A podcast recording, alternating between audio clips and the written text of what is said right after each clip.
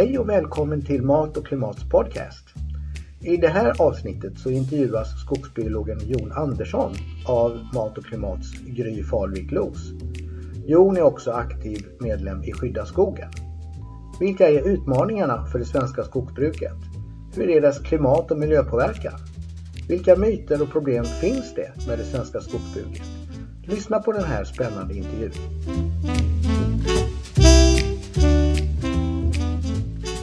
Eh, välkomna till eh, Mat och klimat. Och, eh, idag ska vi snacka lite grann om det svenska skogsbruket. Och jag har med mig Jon Andersson som sakkunnig. Aktiv inom skogs, skydda skogen och också nyligen startat upp hemsidan Skogsinsikt. Så jag tänkte vi börjar med att bara fråga, vad fick dig att engagera dig i skogsfrågan? Fanns det något speciellt tillfälle i ditt liv eller vad hände? Det är ju en, eh, en väldigt en stor fråga för mig och som har hängt med mig hela mitt liv egentligen. Jag är uppvuxen på, på landsbygden och var väldigt mycket ute i skogen när jag var liten och engagemanget började nog egentligen redan i väldigt tidig ålder utan att jag själv visste om det. Sen eh, genomgick jag en period med, eh, fick barn tidigt och, och pluggade och, och, och sådär och var ja, men kanske borta ifrån skogen om man säger så under en ganska lång period. Men sen när jag började på universitetet så läste jag biologi och det var nog eh, där egentligen det riktigt tog fart att man ja, men dels lärde sig mycket av grundkunskaperna i ekologi eh, genom studierna och så sen att man eh, ja, man började spendera väldigt mycket tid i skogen och kanske ja, jag hade nog alltid spenderat mycket, skog i tid, eller mycket tid i skogen men att man eh, hade på sig ett par andra glasögon när man gick i skogen och såg mer av den problematiken som uppstår i och med skogsbruket som det bedrivs idag, kalhyggesbruket och ja, alla konsekvenser det får på arter och ja, livsbetingelser och livsmiljö för oss människor också. Och så. Så att, eh, ja, det är en, en lång historik, men det är nog sammanfattar nog ganska bra min historik och varför jag är intresserad. Absolut, det kan verkligen påverka när man ser eh, ja, eh, kalhyggesbruk och sånt i action, liksom. speciellt när man växer upp i vackra miljöer. Mm. Eh, sen tänkte jag fråga, du startade upp Skogsinsikt så då i allmänbildande syfte förstår jag. Eh, och jag tänkte fråga dig, vad är de viktigaste missuppfattningarna, de viktigaste myterna att slå hål på eh, som folk börjar ta med sig?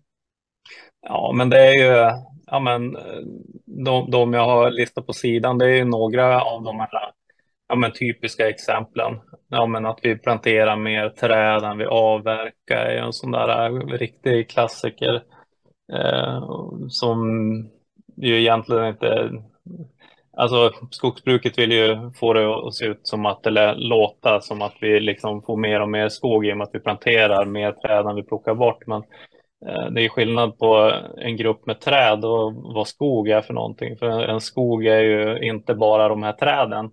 Så att, eh, förstår man det sambandet så blir påståendet eh, väldigt konstigt. I ett, I ett plantage, eller många av de här plantagerna som man som man sätter upp idag så hinner ju aldrig arterna komma tillbaks, de som försvann när man avverkade och de, de här gammelskogsarterna. Så att det, ja, nej, men kort sagt, det är en, en sån myt. Sen, sen har vi det här att, eh, ja, men att det blir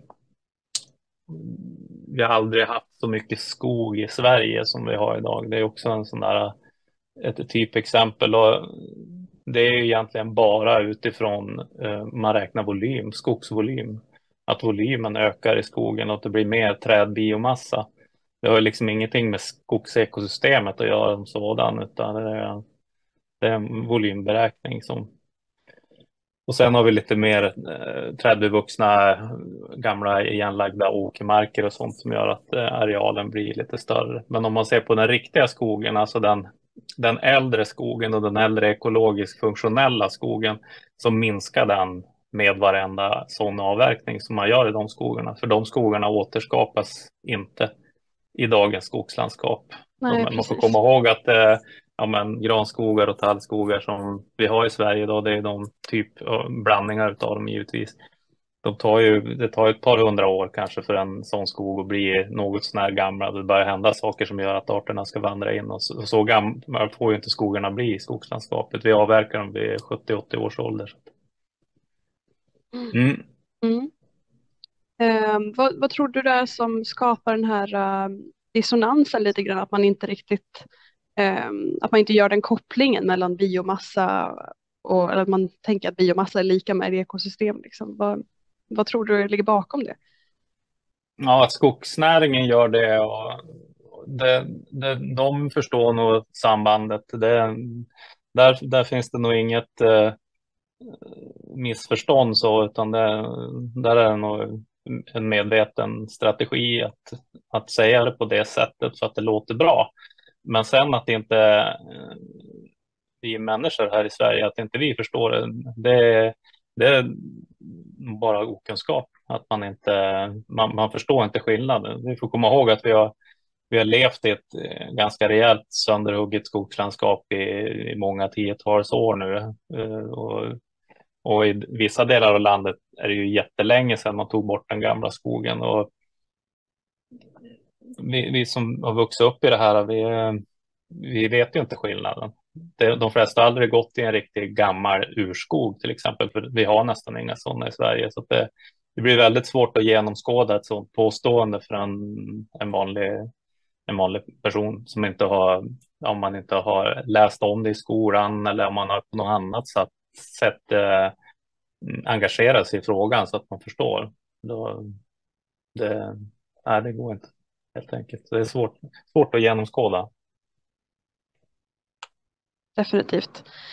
En svår grej att sätta sig in i. Men eh, ja. jag tänker också med kopplingen mellan skogsbruket och klimatet och kolbindande och sånt där. Eh, mm. Vad finns det för missuppfattningar där när det kommer till mängden biomassa. Om vi, om vi planterar jättemycket skog blir det inte bra. Då samlar vi inte jättemycket kol om vi planterar och hugger ner och planterar och hugger ner.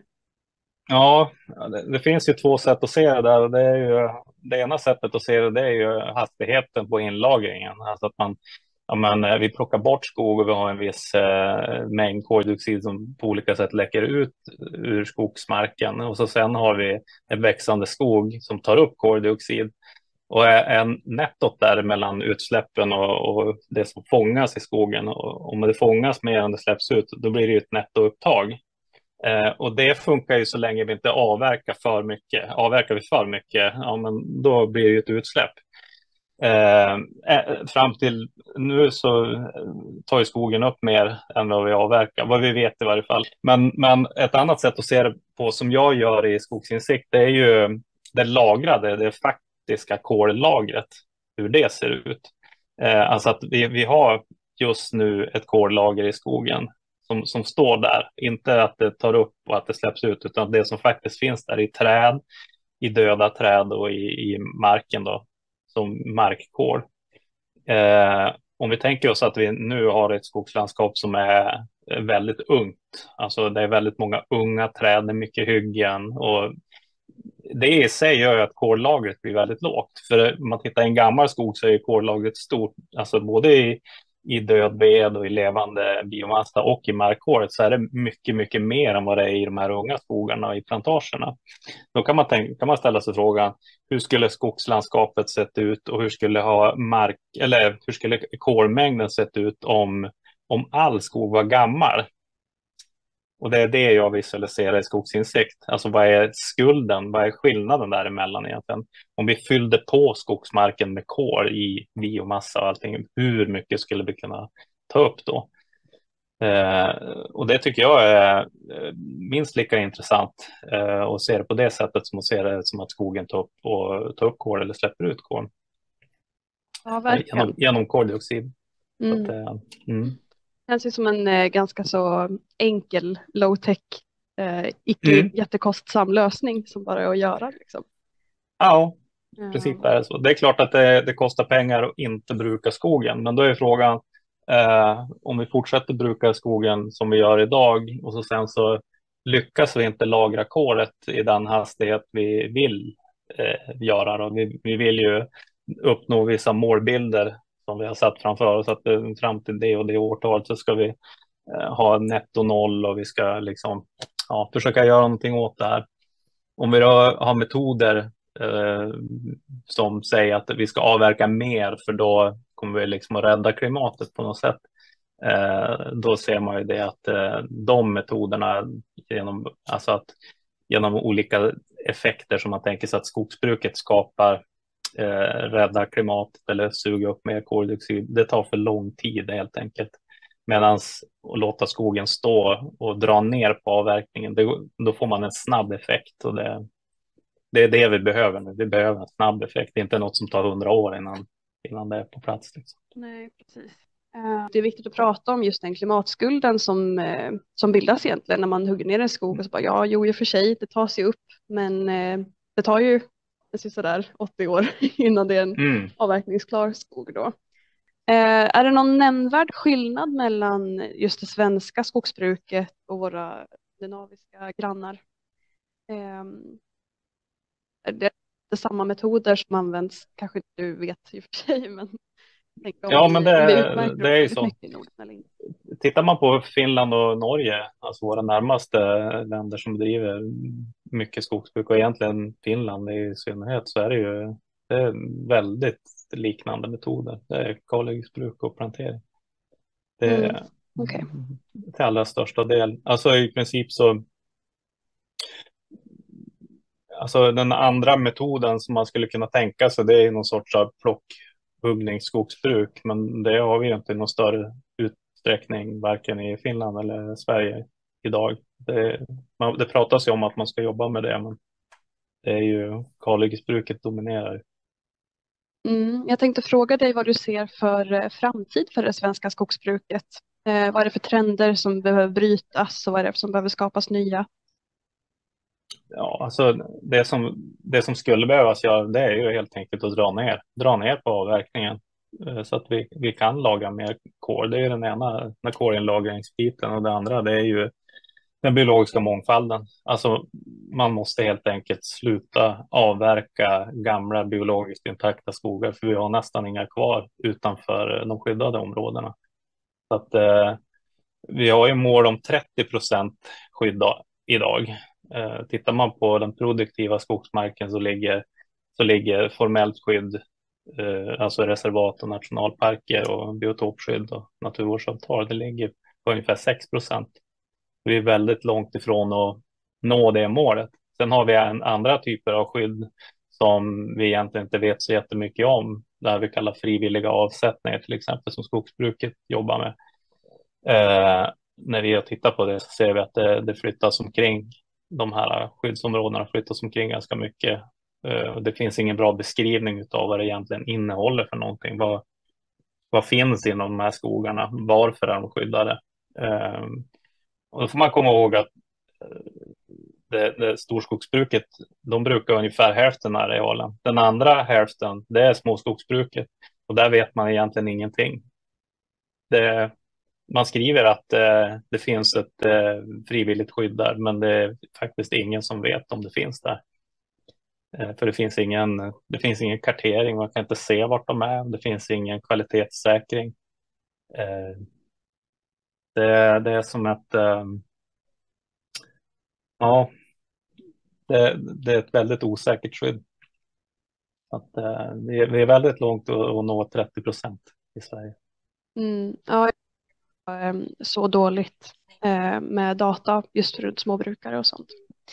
Ja. Ehm, men jag tänkte också relativt i alla fall så tycker jag det har varit ganska mycket väsen av skogen i alla fall de senaste åren. Vi har haft, eh, det finns ju en antal rörelser, organisationer och den här um, stora SVTs dokumentär som det varit ganska mycket liv om, eh, Slaget om skogen till exempel.